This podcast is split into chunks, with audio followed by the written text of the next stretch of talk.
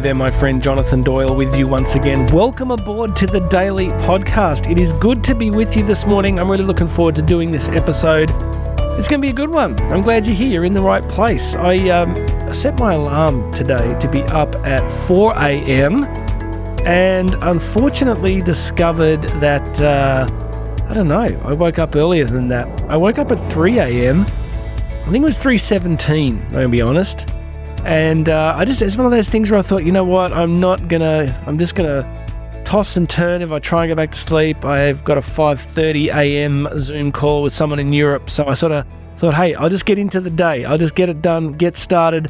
So so far, feeling pretty good. I've got, uh, I'm here in the studio doing the podcast now, and then I've got this 5:30 call, and then it's on the bike, and then it's the gym, and uh, and then straight into a bunch of other stuff for the day. So I reckon by about 12 this, this little Energizer Bunny's going to need some new batteries, but uh, it's good to be alive. It's good to be doing stuff, you know? Like, there's, uh, there's many different problems you can have in life, but boredom is not one of the ones that I experience. So listen, you're in the right place. Please make sure you've subscribed to the podcast. It does make a big difference.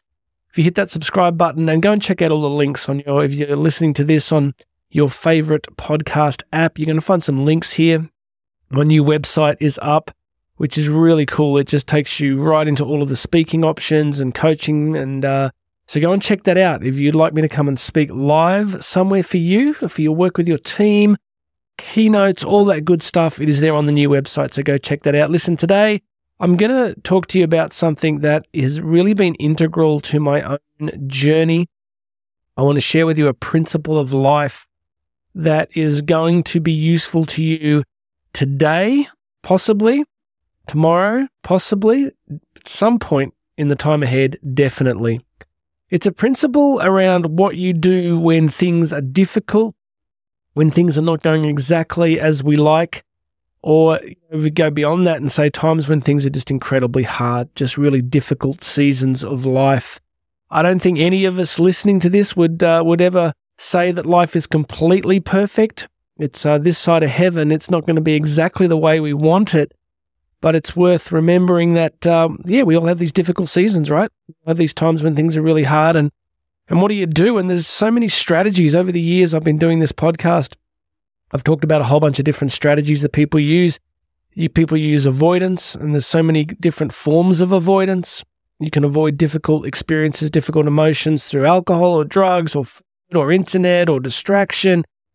Pick your poison, my friends. There's so many ways at this moment in history to avoid the difficult circumstances of life. And so many of the great writers have understood that really that the the way through is to go through. The way through difficult times is really not to avoid them.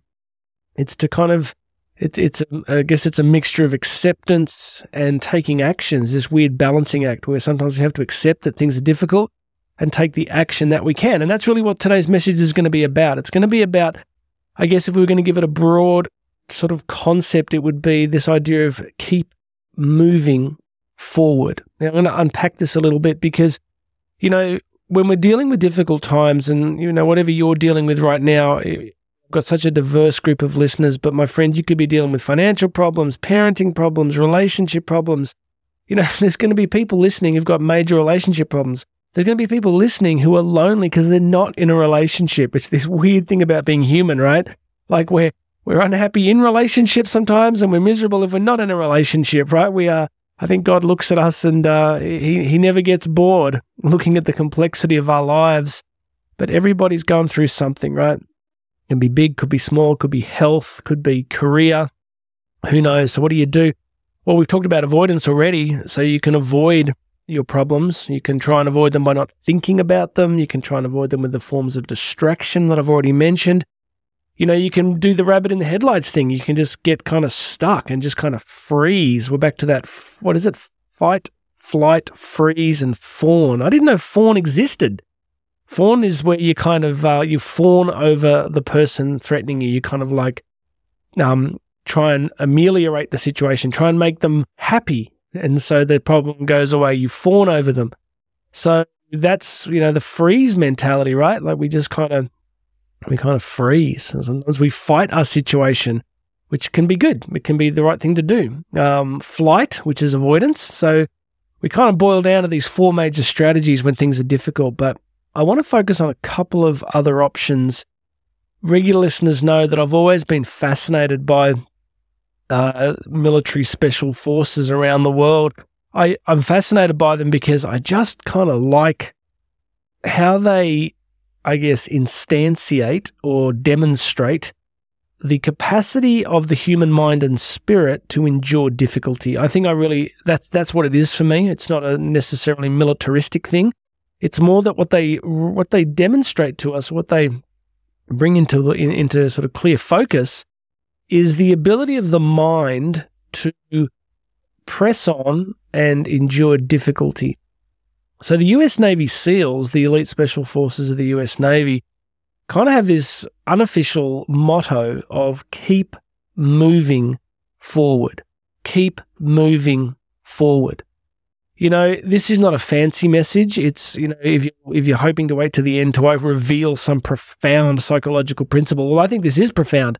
It's just that these days we're often looking for the latest thing and some radical new idea. And I think we've lived long enough as a species to sort of realize that there's not too many great new ideas often what we need to do is revisit the ideas that have worked in the past.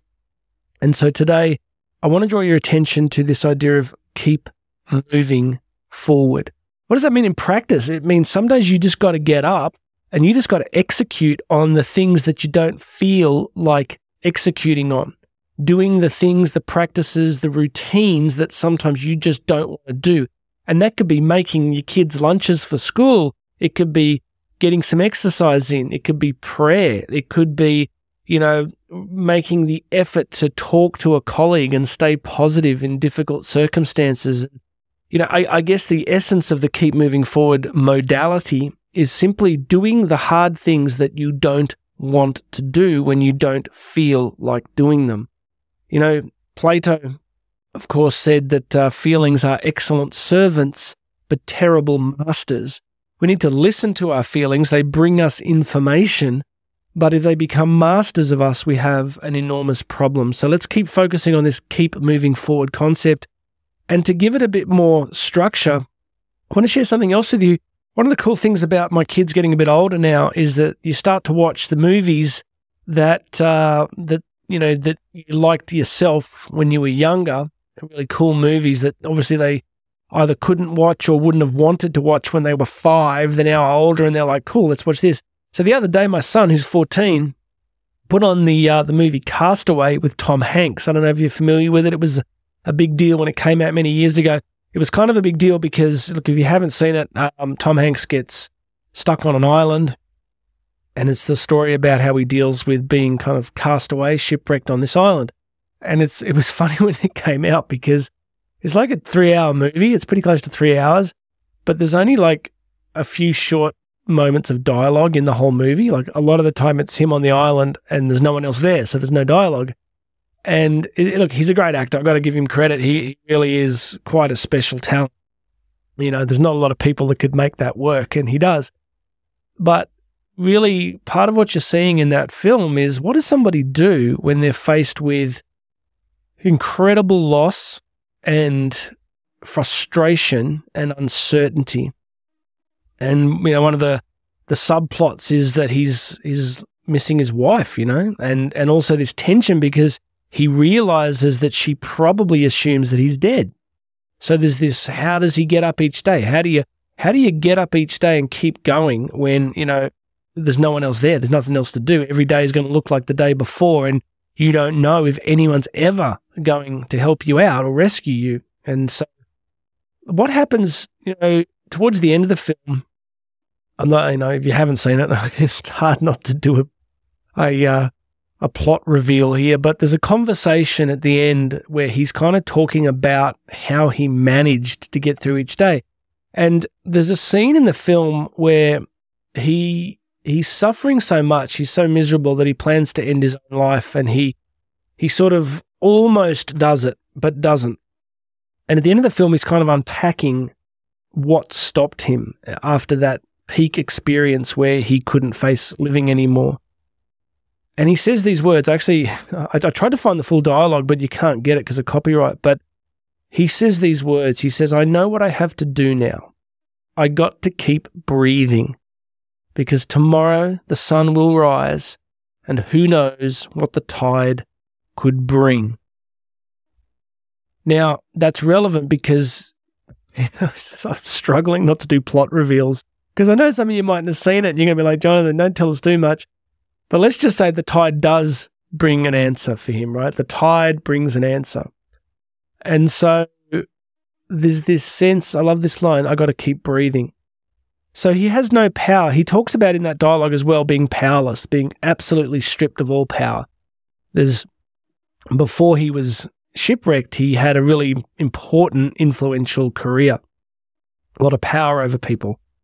And he's on this island, he realizes everything's gone, everything's taken from him. And all that's left to do after he's finally figured out how to do the basics of survival and keep himself alive is to keep breathing. Because if he stays alive, tomorrow things could change. So there's this profound kind of sense of keep moving forward, keep breathing, just keep going, just keep moving. I said a few minutes ago that there's not a fancy message, and it's not a fancy message. It's not some profound thing where you go, my gosh, Jonathan just revealed to me the secret of existence that I didn't know was there. I'm telling you that what we need to do is not collapse in a heap. Well, you're allowed to collapse in a heap, uh, but then you've got to get up again. So if you need to go and, you know, not today necessarily, but when things are difficult, there are times when we need to close our door and have a rant. Tell God exactly how we feel, you know, shout at the sky, shout at clouds. But eventually we have to keep moving forward because the sun rises again and the tide can always bring us something different. So you look at another film like um, Lone Survivor, the story of Marcus Luttrell, who was a Navy SEAL. It's a true story they um they kind of got uh, compromised mission in Afghanistan, and he's basically on his own. And the whole premise of his survival is this unofficial Navy SEALs motto of keep moving forward, keep moving forward. If you're breathing, you can keep moving forward. If you're breathing, things could change. Anything is possible, anything can happen. So that's really my message for you today. So, on a scale of 1 to 100, some of you might be sitting at about a 20. Life is pretty good right now, you know, like the your suffering scale's pretty low. You're, you're at a 10 or a 20 and yeah, there's a couple little niggles in your life that you'd like to be different, but in general, it's a good season. Things are going all right. And there are some of you listening to me right now who are not sure how you will endure the next 24 hours. And my message to all of us across that spectrum is the magic is in the ability to keep moving forward. The magic is the ability just to get up the next day and press on and do it one more time and hope and trust and pray that the sun will rise and that the tide of your life may bring something new. And I hope you can hear the sincerity in my voice because I there's definitely been plenty of times where I've felt this, experienced this, like, what am I going to do? Like, as I get older, I've sort of discovered that the worst never happens. You've heard me say that before. We struggle with worry and we we're convinced that if God would just hand us the reins to the cosmos, we would run our lives so much better. Well, we'd run our lives we'd run our lives probably for comfort. I think that's what most of us would eventually move towards is is we want comfort. We want predictability, we want ease. But I think sewn into the structure of reality itself, what God's done in this universe we inhabit is He's created or permitted, I would say, not necessarily created suffering in any sense, but allows it that we strain and struggle against it and grow. And I think I can prove that again by, you know, being a parent. If my children have nothing but comfort and ease, and all I do is reinforce that comfort and ease, they never grow and they become narcissists, they would become selfish, they would become self referential and self absorbed. So you start to see that what really matters here is not rejecting what happens to us, but finding a way to summon up that courage and to keep moving forward. To keep moving forward. You know, we, we don't get to see the future, right? You really don't. It's a platitude. You get today. You get today. And you get today to grow, to move forward, to press on, to try again. Tomorrow's not guaranteed. You just got to get through this 24 hours. So, listen, I hope that's a blessing to you. I hope that is a word of encouragement because maybe there's someone in your life that needs to hear that too, and you can share this with them. There is a certain magic that comes from resilience, and resilience isn't some secret life hack. It's the ability to believe that you are in a story of your own development. You're in a story where it is, in some sense, you against the cosmos.